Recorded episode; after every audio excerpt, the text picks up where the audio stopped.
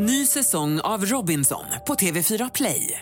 Hetta, storm, hunger. Det har hela tiden varit en kamp. Nu är det blod och tårar. Fan händer just nu. Det. är Detta är inte okej. Robinson 2024, nu fucking kör vi! Streama på TV4 Play. Podplay.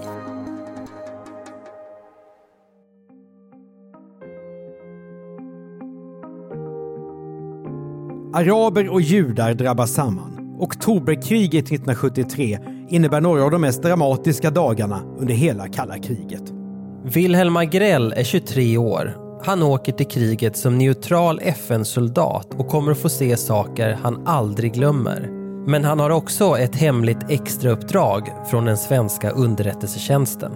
Det här är Jag var där, en dokumentär från Podplay av Andreas Utterström och Mattias Bergman. Nytt avsnitt varje onsdag om du inte lyssnar genom Podplay. Där finns hela säsongen redan nu.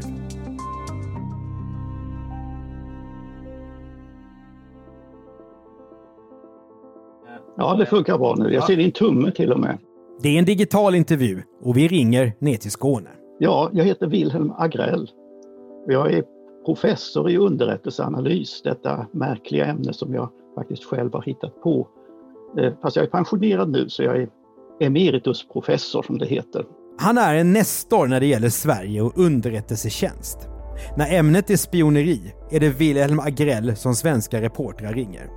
Men nu ska vi tillbaka i tiden till långt innan han var professor. Till tidigt 70-tal. Då är Wilhelm 23 år. Jag hade studerat på Stockholms universitet, läst historia och statsvetenskap som det hette då, eller statskunskap hette det. Jag var väldigt intresserad av ett område, ett geografiskt område, det var Mellersta Östern. Jag hade också rest i området. Jag hade varit i Egypten 1971 och Israel 1972. Som alla unga män vid den här tiden gör Wilhelm Agrell lumpen. Men muck innebär bara att han kommer att byta uniform. Men när jag var där på arméns stabs och sambandsskola så kom kompanichefen och stack ett formulär under näsan på mig och sa Hör du Agrell, det här ska du, kan du ta och, och söka. Det var ansökan till FN-tjänstgöring i så kallad beredskapsbataljon. Det lät inte särskilt betungande. Man skulle rycka in ett par veckor, genomgå en specialutbildning och sen skulle man åka hem igen och stå i beredskap under ett år för den händelse att det blev en FN-insats där Sverige snabbt behövde skicka ut folk. Och då pågick, då hade det startat ett stort krig i Mellanöstern. Faktiskt det största kriget hittills. Ja, i oktober 1973 startar vad som kallats den hetaste konflikten under det kalla kriget. Egypten och Syrien samlas till en attack mot Israel. Syrierna anfaller söderut mot Golanhöjderna. Egyptierna går österut över Suez in i Sinai.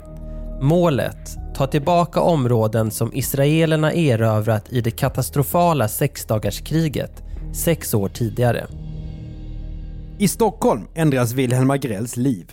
Den där snabbutbildningen ska inte bara resultera i ett diplom.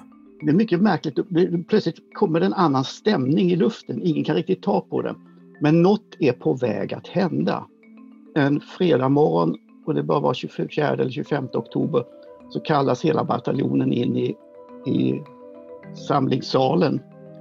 Och bataljonschefen säger att vi har fått order att omedelbart bege oss till Mellersta Östern. Så att nu så får, nu, nu, de som inte vill vara med, de kan häva sitt kontrakt nu. Och övervägde du att hoppa av? Aldrig. Nej. Wilhelm Agrell är nog framförallt en, en, en, en väldigt nyfiken person och, och nyfiken på upplevelser och på att förstå saker. Så att det finns ett analytiskt drag redan då, hoppas jag. Men framförallt, krigsguden erbjöd oss här en unik möjlighet. Mm. Det kan låta lite överdrivet eller pompöst, men så kändes det då. FN arbetar för att skapa fred i kriget. Just när Wilhelm Agrell ska åka ner råder ett skört eldupphör som snart kommer att brytas. En annan bataljon står färdig, men den skickas till Cypern istället. Wilhelm Agrell ska ner till krigszonen. Det är inte så att det här var utan helt problem. Jag kommer ihåg sista kvällen. Eh, jag satt med en sergeantskollega och vi vi kom in på sådana här saker som vapenverkan och vad som skulle hända och vi var snuddade på det här att vi kanske inte skulle komma tillbaka allihopa. För vi var nog inställda på det att några skulle ju dö här. Och det är klart att det kunde vara någon av oss också. Så att det är inte så att vi på något småpojksaktigt sätt störtade iväg på det här utan allvaret sjönk in. Centralstationen i Stockholm blir det sista han ser av familjen. Det är lättare att ta avsked när man tar avsked väldigt snabbt och plötsligt än när man har tid på sig. Mm. Så att de här 24 timmarna gick väldigt fort. Och, ja, mina föräldrar körde mig in till tåget. Och jag, jag vinkade av dem där. Och eh, de sa ingenting och jag sa ingenting. FN-förbanden i sina blå baskrar är inte helt okontroversiella. De ska vara FNs ögon och öron på marken. Men i det svenska försvaret fnyser man ibland åt bataljonerna och tycker att de stör det vanliga arbetet. FN-soldaterna ska inte strida, men kunna försvara sig. Sergeant Agrell landar i den egyptiska huvudstaden. Han inkvarteras på en förläggning som är tom, för alla är ute i kriget. Kairo låg öde i stort sett. Det fanns ingen trafik ute på gatorna. Där möter oss den första prövningen som är i, i den mindre skalan, nämligen vägglössen. Eh, välkomstkommittén. Men det här var ju det mindre problemet. Siktet var ju hela tiden, vad, vad händer sen? Mm. Vad skulle vi göra? Den frågan får snart sitt svar. Men nu ska Willem Agrell ta fram och analysera information. Helst sånt som kan ha ett militärt värde. Han blir assistent till informationsavdelningens chef. Men vad kan de lyckas luska ut om parternas stridskrafter egentligen? Det hör till saken att ett FN, ett FN-förband fick inte bedriva underrättelsetjänst. Men eftersom man inte kan klara sig utan underrättelsetjänst så fick man bedriva det fast under ett annat namn. Det kallas för informationstjänst. Men det var precis samma sak. Så blir det. Och här får Wilhelm Agrell för första gången smaka på det som sen ska prägla hans yrkesliv. Vi kommer alltså till Egypten, till Kairo. Vi ska ut om något dygn till frontlinjen och vi har ingen karta. Jo, vi har en karta. Jag hade ju varit i Egypten tidigare, 71, så jag hade köpt en karta, en turistkarta, en tysk turistkarta över Egypten där Suezkanalen ryms bokstavligt talat mellan tummen och pekfingret. Det var ett skala 1 till en miljon. Det var den enda karta bataljonen hade. Nu rör de sig österut från Kairo till Sinai, där kriget pågår. Så vi gav oss bokstavligt talat ut på jakt efter fronten. Så den första uppgiften var inte att skapa fred och säkerhet och upprätthålla vapenvila. Det var att leta rätt på var fronten fanns någonstans. Det fanns ingen front utan man, man talade istället om området mellan parternas främsta ställningar. Det som mera dagligt tal kallas ingenmansland. Det var där vi skulle vara. Det här var ju, en, när man ser tillbaks på det, en, ett hisnande uppdrag och ett, en form av regndans. Det här är alltså ett litet förband på knappt 500 man som ingår i en FN-styrka som är ett par tusen beväpnade med lätta vapen mellan två arméer som är hundratusentals man och tusentals stridsvagnar. Ofantlig eldkraft. Ett FN-förband kan inte åstadkomma någonting här.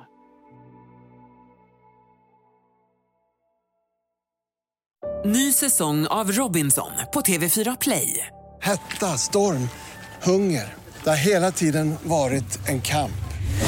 Nu är det blod och tårar. Fan händer just nu. Det. är Detta är inte okej. Robinson 2024, nu fucking kör vi! Streama på TV4 Play. Är det dags för ett nytt kök, badrum, nya garderober eller nya vitvaror? Låt oss på HTH Köksstudio hjälpa er.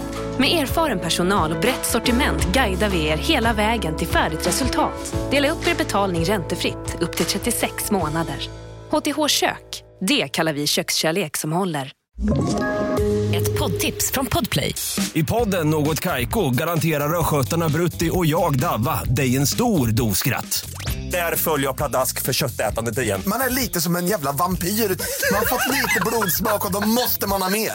Udda spaningar, fängslande anekdoter och en och annan arg rant. Jag måste ha mitt kaffe på morgonen för annars är jag ingen trevlig människa. Då är du ingen trevlig människa, punkt. Något Kaiko, hör du på Podplay. Därför är Första gången jag kom ut i öknen.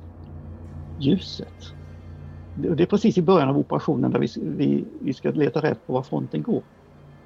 Vi kör ut i öknen och det ska komma ut på kalfjället.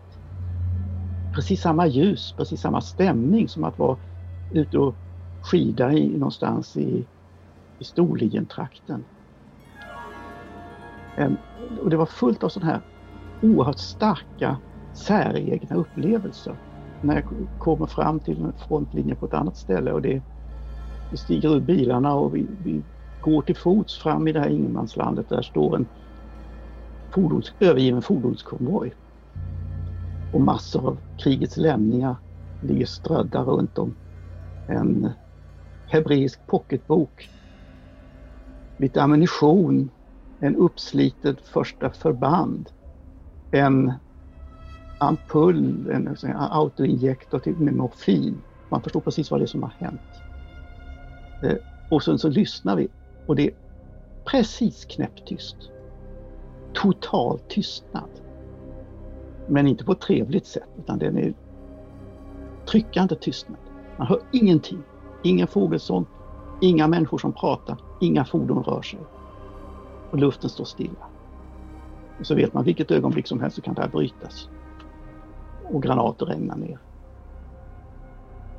Och med parter som var beredda att döda när som helst. Mm, man kan säga att egyptierna sa vi skjuter inte och så vänder man ryggen till och då sköt de. Israelerna, de sa så här att nu gör ni så och så, annars skjuter vi på er också. Alltså de, de hotade direkt FN-förband. Flytta er annars skjuter vi bort er. Och jag får säga att det, det gjorde vi inte, vi flyttade inte på oss. Uppträder man självsäkert så till en viss gräns så kan man få överlägsna parter att vika undan. Jag säger till en viss gräns. Men sen kan det gå riktigt, riktigt tokigt också. Det här att stövla fram och säga att nu får herrarna lov att sluta skjuta här. Och ibland funkade det här. Eh, Men ibland inte. Och ju mer tiden gick desto sämre fungerade det. FN-emblemet skyddar oss. Och eh, vi är svenskar, vi, vi klarar allt. Alltså det, det finns ett, ett, ett megalomant drag i det här också. Från ett tryggt Sverige med ABBA och Kalles Kaviar har han hamnat på en plats där mänskligheten ställs på sin spets. För första gången ser Wilhelm Agrell döda människor, mördade i krig. Det var en fråga om tillvänjning. Jag hade ingen som helst erfarenhet av detta. Det hade ingen annan heller där. Flesta hade aldrig sett några döda människor överhuvudtaget och inte på det sättet. Här låg det utspridda mängder av lik. De hade lämnats, framförallt ingenmansland. Kringstödda lik som har legat där i veckor. Eh, vildhundar som drar omkring och kalasar. Ett, en overklig, omänsklig värld som, som vi kom in i. Alltså man kan inte ta in för, för obehagliga saker kan man inte ta in för mycket och i för stora portioner. Det klarar man inte eh, psykiskt. Utan då får man konstatera att jaha, där ligger det några lik igen. Och nu sköt de med artilleri över huvudet på oss. Det var ju bra att de inte sköt på oss. Alltså man får på något sätt eh, inom citationstecken trivialisera våldet. Jag kommer ihåg vi satt utanför en position när det plötsligt kommer en sån här eh, RPG-granat från ett raketgevär svischande över huvudet. Detonerar några, något, något hundratal meter bort med en skarp knall. Vi sitter och äter frukost. Och, sitter och, och sen pratar vi, vi fortsätter att äta frukost och diskuterar, var, var det där en RPG-granat eller var det en luftbrisad? Alltså, det är på ett sätt ganska dumt beteende att vi slängde oss inte i skydd utan vi bara fortsatte som om ingenting hade hänt. Hotet från fienden är en sak. Hotet från den egna hjärnan ett annat. Wilhelm Agrell ser kollegor drabbas av akuta psykiska stridsreaktioner. Kroppen stänger ner sig själv av stressen. De unga männen får akut skickas från fronten och sövas ner för att inte bryta samman. Men gjorde den här avtrubbningen att det, nu när du tänker på det i efterhand, togs för stora risker? Jag tror vi alla tog för stora risker och i viss mån måste vi ta för stora risker. Jag tänker det om vi hade varit 20 år äldre så hade vi aldrig gjort det här för då hade vi tänkt herregud, nu har jag familj hemma och barn. Och... Har du något exempel på när, ni, när du var med och tog för stora risker? Från början var vi väldigt försiktiga när det gällde att ge oss ut i områden som inte var ordentligt minröjda. Men där blev vi mer och mer eh, vårdslösa ska jag väl säga. Jag kommer ihåg ett tillfälle där jag var ute med min chef Askan och vi skulle gå mellan två positioner och ja, vi hittade en stig där så vi gick. Och så kom vi fram till den andra positionen och chefen där, en gammal kapten, skrockar och säger ha, jag får tacka herrarna för att ha ordnat en min, minröjd stig åt oss. Det vill säga att den där stigen var inte alls minröjd. Men nu har ni gått den där så nu vet vi att nu är det inga minor. Och jag tänkte inte mer på det, jag blev inte rädd för det. Liksom att det var, ja det gick ju bra det här.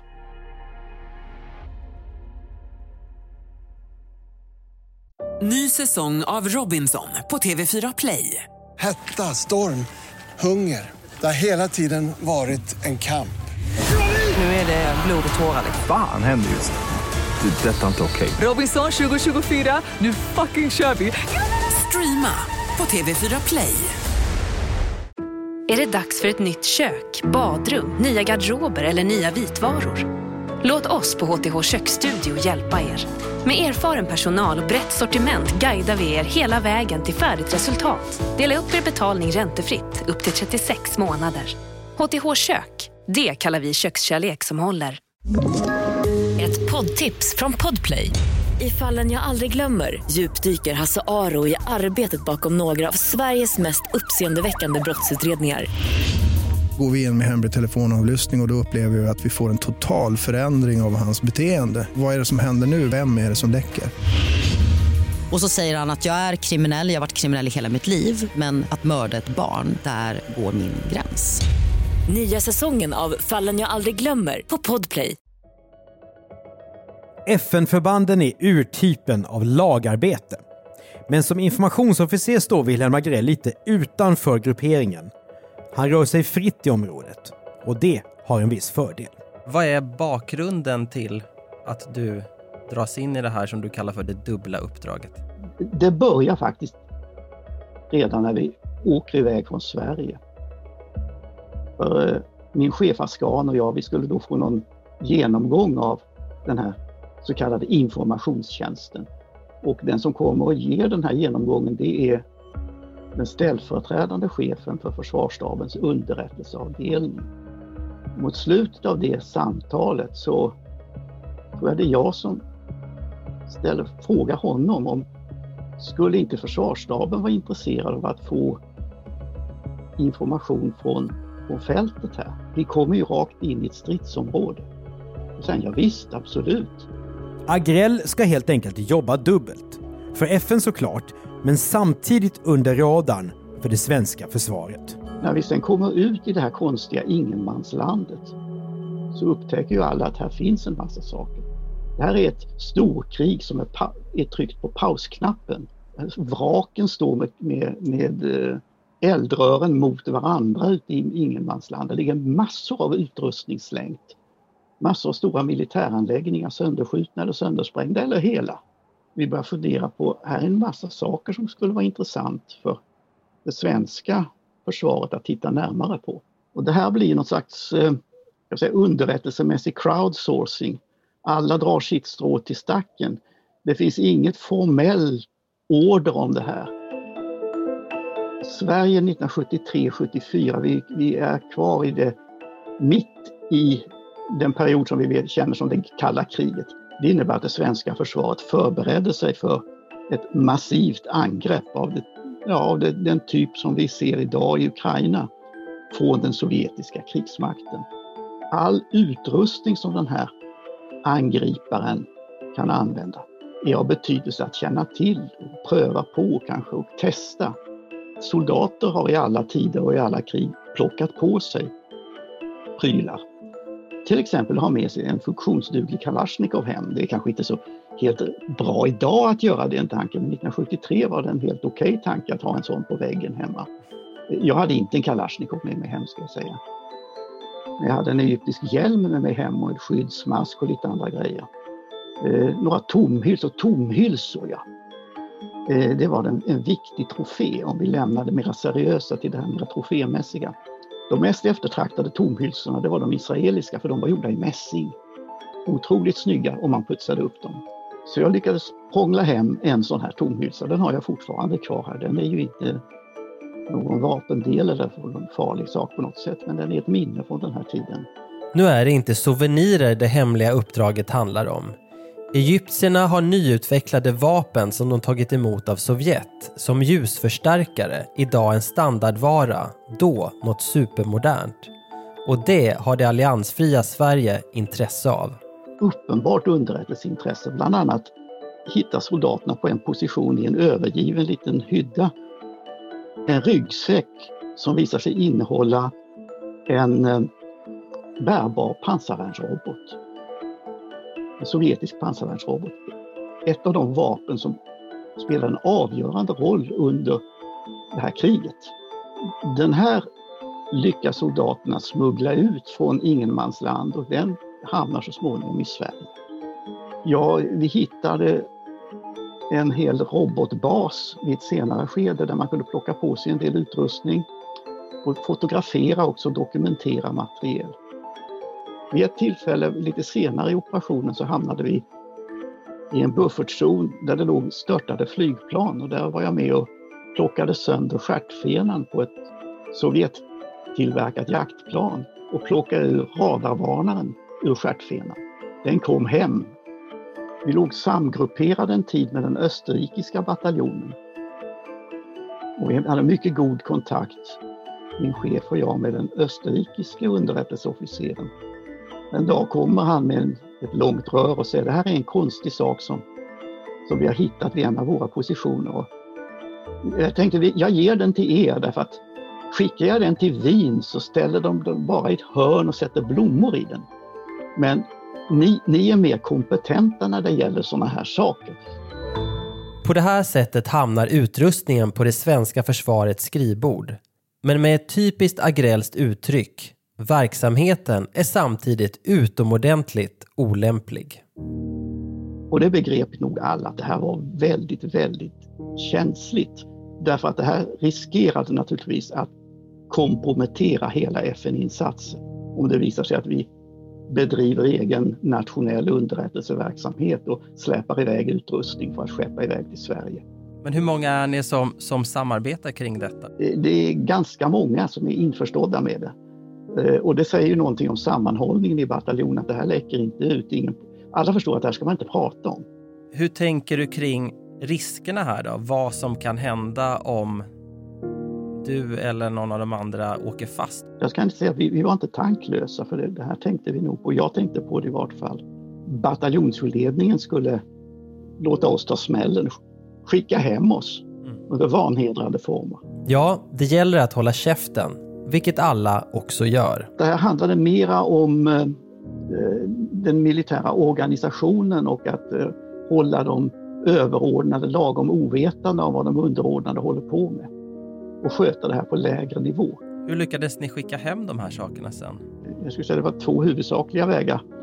Eh, den, den säkraste var att folk som åkte på så kallad livresa, permissionsresa hem till Sverige tog med sig det här helt enkelt i handbagaget. En pansarvärnsrobot eller Kalashnikov eller något annat. Det var inte så noga med säkerhetskontroller på den tiden, det förstår man kanske nu här.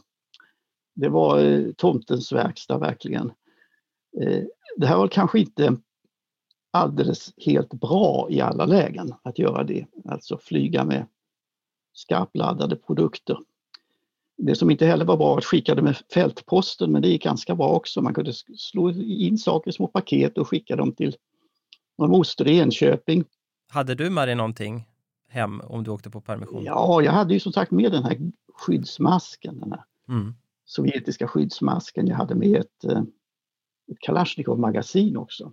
Och här fanns ju väldigt mycket att fotografera som var av militärt intresse och inte bara av kuriosa-intresse. Eh, det togs väldigt mycket bilder kan man konstatera och det är något som kännetecknar de svenska förbanden, kallas för fotobataljoner. De tar väldigt mycket bilder. Det gjorde inte andra förband. Skickades det också med vanlig ja, post? Jag, skick, jag skickade hem väldigt mycket foton som vanlig post. Kändes det tråkigt för dig att du gjorde en insats här som ingen kanske någonsin skulle få veta? Du är ju ändå ung och då tänker man på ett annat sätt än när man är äldre. Jag tänkte aldrig på det tror jag. Upplevelsen som helhet var så överväldigande att den... Sen började jag i underrättelsetjänsten direkt när jag kom hem och där fick ingen heller reda på någonting så att det, det ena gav det andra här ganska väl. Efter ungefär fyra månader i Mellanöstern kommer Wilhelm Agrell tillbaka hem till Sverige i början av 1974. En ganska kort tid men en period full av obearbetade upplevelser. Upplevelser som få andra förstår. För i Sverige pratar man om elransonering och IB-affären och lyssnar på Flamingokvintetten. Det var en väldigt brant och snabb lärprocess för mig här. Jag blev mycket äldre på väldigt kort tid kan jag säga. Den egentliga chocken var när jag kom hem. Därför då kom jag tillbaka till, till ett Sverige som eh, är samma som jag har rest ifrån, men det är ju inte samma. Eller ja, det är jag som inte är samma. Det är väldigt svårt att jacka in i, i en svensk vardag. Så det här att man kommer dit och man vill börja, börja berätta om någonting man har upplevt och efter en minut blir man avbruten av du kan vi inte gå och ta en kopp kaffe istället? För det, det, ingen vill lyssna på dig. Du märker också rätt förlamande känsla att du kan inte berätta om det på ett sätt som de som inte var med förstår. Agrell tillbringar några år i underrättelsevärlden innan den blir för mentalt trång för honom, som han säger. Då väljer han att bli forskare istället. Livet, familjen, karriären rullar på. Men oktoberkriget stannar kvar. Mot slutet av min tjänstgöring där så började jag ju fundera på att jag måste skriva om det här någon gång. Så jag samlade på mig mycket material. Det var väldigt klokt gjort trots att jag var väldigt ung. Och det tog ju nästan 50 år innan det var dags. 2000 ger Willem Agrell ut memoarboken Ökenvägen. En personlig text om alla intryck från öknen, fronten och förläggningen. Det var väldigt svårt att, det märkte jag när jag kom hem, att, att ta tag i det här. Jag hade mycket material, jag hade tagit kopior av viktiga handlingar. Jag hade ofantliga mängder foton men jag kunde inte sortera dem. Obesvarade frågor som jag ville besvara för mig själv. Inte så mycket det här varför gjorde jag det och det, utan vad var det egentligen vi upplevde? Genom att få klarhet i all information får han en tydligare bild av händelserna. Precis som en professor i underrättelseanalys ska göra. Willem Agrell läser memoarer skrivna av andra som var med parallellt med att han skriver själv.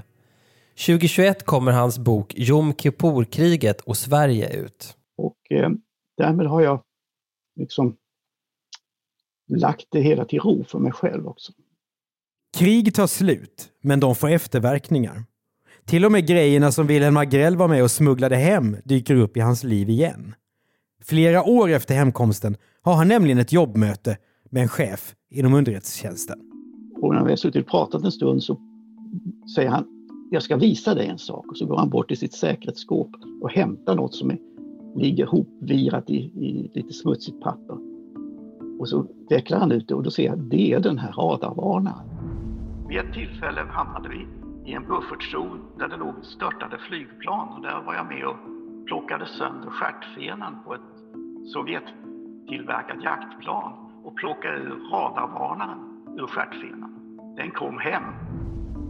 Och då, då sa jag till honom, den där har jag sett förut. Och tittade han på mig lite konstigt och sa, det tror jag inte, så det, för det, den här den har vi fått från israelerna. Det var mindre belastande att säga att man har fått någonting från israelerna, att säga att det här har våra FN-förband plockat på sig ute i buffertzonen. Vad tror du att det här som ni gjorde, det dubbla uppdraget, vilken nytta hade Sverige av det på det stora hela? Kanske inte så mycket. Det blev ju aldrig något stort krig. Eh, och, och, det går ju aldrig att mäta sådana här saker därför att man, hur ska man veta om en liten, en liten flinga i ett underrättelsepussel är betydelsefull eller inte? Det, det visar sig först i ett läge som kan uppstå, men som aldrig uppstod för Sveriges del. Vi testade ju aldrig vårt försvar och det ska vi vara mycket glada för att vi slapp göra det. Men eh, när jag ser tillbaka, vi trodde på vår uppgift, vi trodde på vår osårbarhet kan man nästan säga. Det, det låter lite konstigt att säga det men, men det hade jag en distinkt känsla av att vi är odödliga. Det är möjligt att man är 23 år så har man den känslan att man är odödlig. Men den här förstärktes på något sätt. Den förstärktes av att allting gick så bra. Turbilen till Kairo hamnar i kulsprutebeskjutning och kommer tillbaka som en schweizerost och alla går ner och tittar på den och konstaterar, rycker på axlarna och säger det här gick ju bra.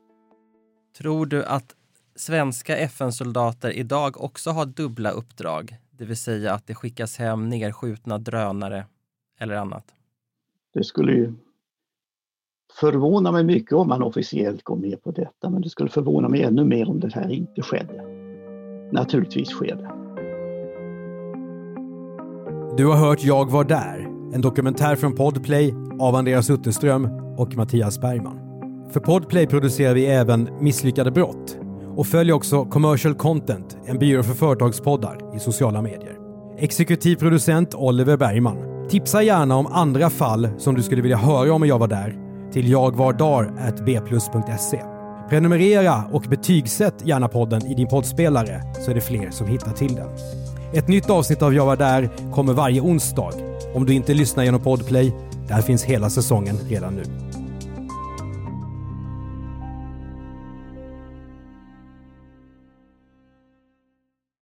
Ny säsong av Robinson på TV4 Play. Hetta, storm, hunger. Det har hela tiden varit en kamp. Nu är det blod och tårar. Fan händer just nu. Det. är Detta är inte okej. Robinson 2024, nu fucking kör vi! Streama på TV4 Play.